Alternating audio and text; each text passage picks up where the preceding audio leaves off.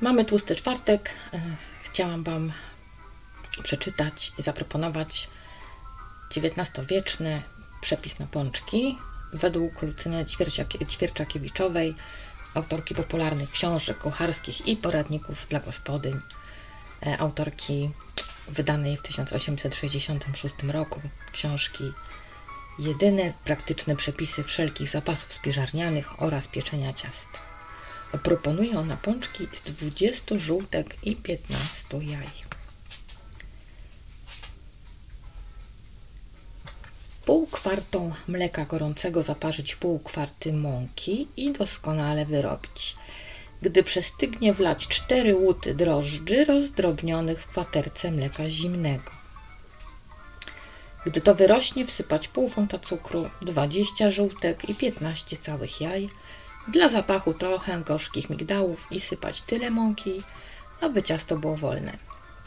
Następnie wyrabiać z godzinę na wyrabianiu ciasta, bowiem zależy dobroć pączków. Gdy dostatecznie wyrobione, dodać pół funta masła młodego, rozpuszczonego trochę. Gdy zacznie ciasto dobrze rosnąć, wyrzucić lekko na stolnicę mąką posypaną, rozciągnąć ręką, dobrze nakładać konfiturami, których powinno być wiele i to bez syropu, nie inne jak wiśniowe, malinowe lub marmolada gęsta bardzo. Zawijać jak pierogi, szklanką obrzynać, obsypać mąką i układać na sito w ciepłym miejscu. Jak dobrze podrosną, wrzucać na gorący szmalec wyrośniętą stroną. W czasie smażenia wstrząsać rondlem. Próbować kawałkiem ciasta czy szmalec gorący, gdyż takowy nigdy się nie zagotuje. Choćby się spalił. Jeżeli ciasto rzucone rumieni się, to już dobre. Jeżeli zaś blade, to jeszcze szmalec nie dosyć gorący. Po wyjęciu natychmiast cukrem obsypać. Ciekawa jestem, czy ktoś spróbuje robić pączki według Ćwierciakiewiczowej. Czytałam opinię, że pączki są e, puszyste, mięciutkie i wspaniałe. Ja osobiście kiedyś próbowałam robić ogórki kiszone według e, jej przepisu. No, wyszły, wyszły całkiem dobre. E, zdziwiona byłam, bo o ile pamiętam, do tych ogórków musiałam dodać trochę octu. Czyli rzeczywiście były kwaszone, zakwaszane octem, a nie e, kiszone. Tak jak teraz to robimy. Ludna Ćwierczakiewiczowa urodziła się w 1829 roku w Warszawie w rodzinie von Bachmanów, rodzinie kalwińskiej, znanej z niepospolitej ekstrawagancji. Ojczym był prawnikiem, był wojskowym, starszy brat e, Karol był znany w warszawskim środowisku jako amant, lew salonowy i rozpustnik. Popełnił on samobójstwo wieszając się w Lasku Bielańskim z nieznanego nikomu powodu. Ćwierczakiewiczowa odebrała domowe wykształcenie, z którego jednak po latach, jak wynika z analizy jej wspomnień, nie była zadowolona. Jak sama pisała, z tym romansowym usposobieniem dorastałam lat 15. Skończywszy już niby edukację, choć uczyłam się w domu po francusku, bo to było ważniejsze jak literatura czy historia polska. Malować, grać na fortepianie i śpiewać. Wynika z tego, że Lucynka była wychowywana na kwiatek do marynarki do przyszłego męża. A pierwszym jej mężem był obywatel ziemski Felix Staszewski. Małżeństwo zakończyło się rozwodem z powodu niezgodności charakterów. Drugiego męża, którego poślubiła w wieku 23 lat, już jako rozwódka, Lutyna Ćwierczakiewiczowa kochała miłością szczerą i bezwarunkową. Inżynier Stanisław Ćwierczakiewicz był osobą spokojną i pozwalającą żonie na wiele, dlatego ich małżeństwo było wyjątkowo udane. Przeżyli razem ponad 30 szczęśliwych lat. Nie mając własnych dzieci, zaadoptowali, te, zaadoptowali dziewczynkę, sierotę Teodozję, której dali solidne wykształcenie i wydali za mąż. Mimo, że pierwszych przygód kulinarnych pani Lucyny do udanych zaliczyć nie można, opowiadała, że próbowała robić ciastka dla jakiegoś oficera, który jej się niezwykle podobał. Zakończyło się to tym, że zostały one spalone. E, ale ciągnęło ją zawsze do kuchni gotowania. W wieku 29 lat własnym sumptem wydała swoją pierwszą książkę, jedyne praktyczne przepisy wszelkich zapasów spiżarnianych oraz pieczenia ciast.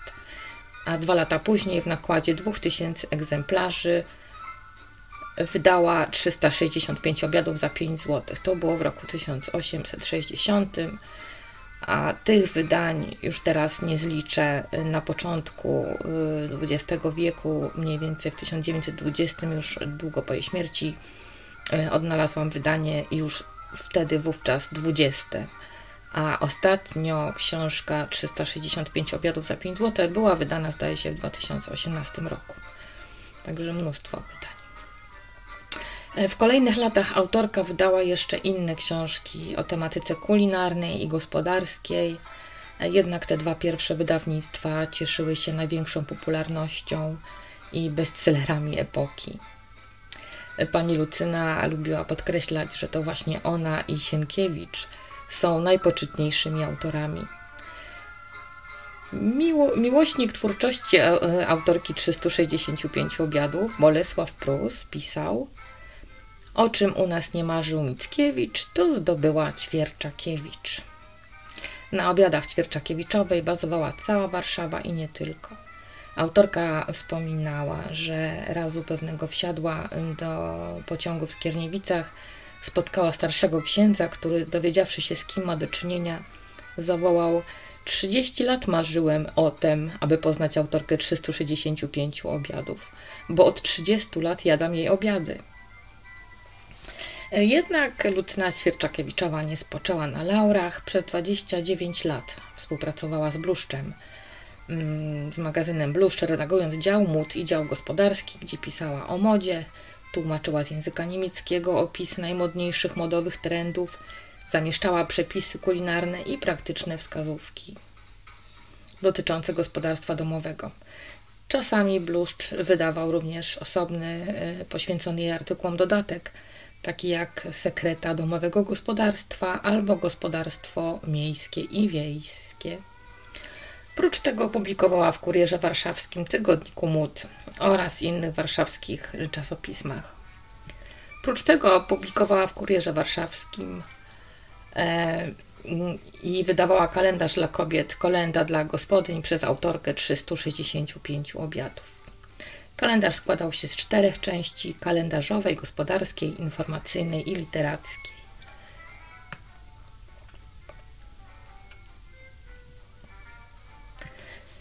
Lucyna Ćwierczakiewiczowa należała do tej grupy osób, względem której nie da się pozostać obojętnym. Albo się ją uwielbiało, albo nienawidziło. Jednak do największej chyba grupy mm, osób odnieść można słowa Ignacego Balińskiego, że bano się jej jak ognia. Na jej temat krążyło w środowisku warszawskim wiele anegdot zapisywanych w pamiętnikach, diariuszach, korespondencji, w których to opowieściach trudno obecnie oddzielić prawdę od fikcji. Pewna jest, że pani Lucyna swoim zachowaniem poniekąd dawała e, ludziom e, podstawy pod e, różnego rodzaju anegdotki. Jaki jej obraz wyłania się z warszawskich opowieści? Otóż w ich świetle Ćwierczakiewiczowa uchodziła za osobę szorstką, apodyktyczną, która nie owijając bawełny mówiła każdemu prawdę prosto w oczy. Nie bez przyczyny Jerzy Franke nazywa ją nawet la femme fatale, la femme terrible ówczesnej Warszawy. Przepraszam.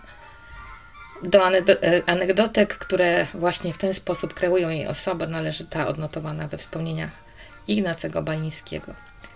Gdy odwiedzając kogoś nie zastawała gospodyni, lecz spostrzegła kurz na fortepianie, wypisywała na nim palcem Lucyna Ćwierczakiewiczowa i zabraniała służącej wycierać. A potem przy sposobności pytała głośno, czy widziałaś mój bilet wizytowy? W podobnym tonie do, y, pisała o niej Orzeszkowa. Kobieta z gatunku tych, którym ojcowie nasi dali miano Herod Baba. O, Herod to jakich mało. Ruchliwa, krzykliwa, nieustraszona. Gotowa zawsze do celów swych ludzi za gardła brać albo im oczy wydzierać. W biały dzień i na ulicy wyłajać bliźniego może ona tak dobrze, jeszcze i lepiej jak przełknąć ostrykę. Część ludzi nie lubiła pani Lucyny z powodu jej krzykliwości czy złośliwości. Inni po prostu zazdrościli autorce sławy i pieniędzy. Lucyna Ćwierczakiewiczowa zarabiała na swoich książkach sumy, o których nie mógł śnić jeden warszawski literat. Mm, na swoich wydawnictwach e, zarobiła około 84 tysiące rubli, co było równowartością trzech porządnych majątków ziemskich. Ćwierczakiewiczowa jako osoba publiczna znajdowała się na świeczniku wyczekujących e, każdego jej potknięcia, które gotowi byli przypomnieć w najmniej odpowiednim czasie. Wypominano jej niestosowne zachowanie w operze i teatrze, gdzie nie przejmując się nikim, obowiązkowo siedząc w pierwszym rzędzie, zajadała czekoladowe cukierki i rzucała różnorodne uwagi na temat aktorów. Śmiano się z jej łzawych i sentymentalnych listów publikowanych po spektaklach na łamach warszawskiej prasy. Także dość spore rozmiary pani Lucyny stały się powodem do śmiechu. Józef Galewski z rozbawieniem wspominał. Ćwierczakiewiczowa schodziła po schodach tyłem, stopień po stopniu, co trwało z pół godziny. Gdy wracała do domu, wnoszono ją na specjalnym krześle, które stało na tarantowych schodach w kąciku na parterze. Trzeba było do tego dwóch silnych ludzi. Jednym bywał nasz dozorca Mitaszewski, ale drugiego należało szukać. Przychodziło to z trudnością, bowiem Ćwierczakiewiczowa i sama była ciężka, i jeszcze cięższa do płacenia. Uważała, że powinno się jej dopłacać do tego, że raczy dać się zanieść na pierwsze piętro. Nieraz więc dozorca biegał po ulicy i szukał chętnych. Pewnego razu taki chętny nie miał tyle sił, ile potrzeba i w połowie drogi wypuścił nosidła. Ćwierczakiewiczowa upadła na schody, zrobił się taki huk, że myślano, że dom się wali. Jak ona zaczęła krzyczeć, to chyba umarłego by poruszyła. Niefortunny amator zarobku uciekł, Zasadniczym problemem, który wpływał na kształtowanie negatywnego wizerunku Ćwierczakiewiczowej w oczach wielu ludzi, był fakt, że wiele osób nie zdawało sobie sprawy z działalności pani Lucyny, innej niż pisanie książek kucharskich czy publikowanie artykułów w czasopismach. Z pewnością była osobą próżną, wiecznie domagającą się komplementów, skoro sama o sobie mówiła. Jeden jest tylko Szekspir i jedna Ćwierczakiewiczowa.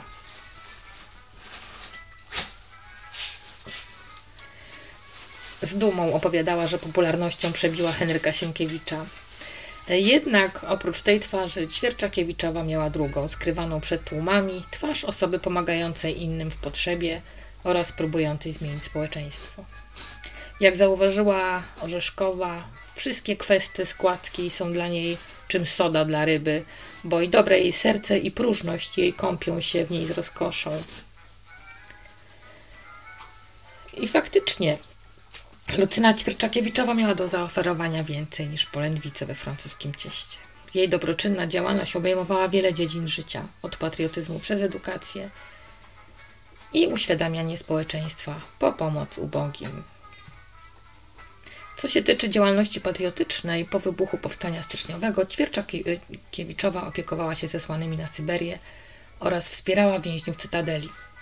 Znana jest historia o tym, jak razu pewnego pani Lucyna zatrzymała powóz jadący przez krakowskie przedmieście i zdjęła buty siedzącemu wewnątrz mężczyźnie, gdyż potrzebowała ich dla zesłanego na Sybir powstańca. Organizowała także obiady dla wysokiej rangi urzędników, na których serwując e, przygotowywany przez siebie specjał, jednocześnie starała się uratować lub chociaż polepszyć los więźniów politycznych których nazywała swoimi siostrzeńcami. Jednak działalność ta była tajemnicą dla ówczesnych ludzi, która wyszła na jaw dopiero w dwudziestoleciu międzywojennym.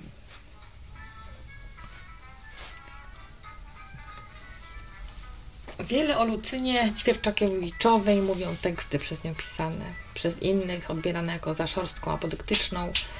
W nich pokazywała drugą, zupełnie inną twarz. Szczególne, e, istotne były wśród wielu popełnionych przez nią artykułów dwa zamieszczone w wydawanym przez nią kalendarzu. Pierwszy to częściej wspomnień z wiośnianych mych lat, moja pierwsza i ostatnia miłość, a drugi to sylwetki moich panien do towarzystwa z 1899 roku, powszechnie krytykowane. Warto zatrzymać się przy tym drugim tekście, który przyczynił się do społecznego upadku Lucyny Świerczakowiczowej.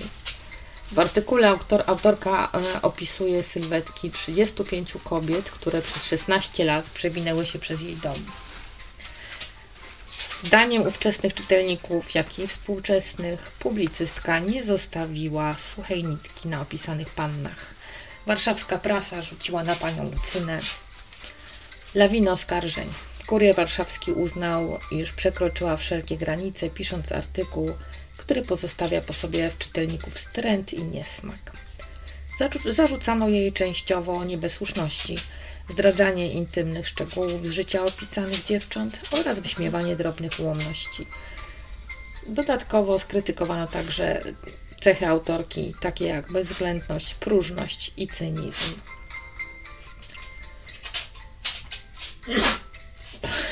Przepraszam za pieska. Piesek jest tutaj ze mną, drapie i kicha. Czy tekst opublikowany w kalendarzu na rok 1899 faktycznie zasługiwał na tak ostrą krytykę, z jaką się spotkał? Chyba nie. Otóż o większości zapisywanych panien autorka wypowiadała się bardzo rzeczowo, starając się sprawiedliwie ocenić ich zalety i wady. Cóż zostawiła Lucyna Ćwierczakiewiczowa nam, żyjącym ponad 100 lat po jej śmierci? Pewnością nieśmiertelne przepisy kulinarne, na których wychowały się całe pokolenia. E, również obecnie wznawiane są wydania e, przepisów Ćwierczakiewiczowej. E, w XXI wieku wydawcy tłumaczą to w następujący sposób. W dobie mody na domowe gotowanie i slow food XIX-wieczne przepisy Lucyny Ćwierczakiewiczowej są w stanie zaspokoić tęsknotę współczesnego człowieka do jedzenia tradycyjnego, naturalnego i zarazem bardzo smacznego. Zresztą sama pani Ćwierczakiewiczowa twierdziła, że dom, w którym każdą rzecz za gotowy grosz kupują, jest na podobieństwo hotelu, gdzie nie ma nic własnego. Autorka tworzyła aforyzmy kulinarne, którymi idealnie oddawała istotę sprawy. Do najbardziej znanych przykładów należy ten, który zadedykowała Elizie Orzeszkowej. Czas wszystko klaruje. Orzeszkowa powtarzała sobie ten aforyzm na pociechę, w, których, w trudnych chwilach swojego życia. Z pewnością y, Lucyna Ćwierczakowiczowa nauczyła Polki gotować, nauczyła je zdrowego trybu życia, podstawowych zasad higieny, radziła im także w sprawie mody. Ćwierczakiewiczowa przyczyniła się do integracji roli gospodyni domowej, kucharki i damy, ról, które w jej czasach uważane były za odległe. Przyczyniła się bez wątpienia do tworzenia wizerunku współczesnej, nowoczesnej kobiety. Często też mawiała, żonom zawsze powtarzam, że smacznie przyrządzony obiad jest podstawą szczęścia domowego i dobrego humoru męża. 26 lutego w sobotę mija 120 lat od śmierci Lucyny Świerczakiewiczowej, która zmarła w wieku 73 lat w swoim mieszkaniu w Warszawie przy ulicy Królewskiej 3.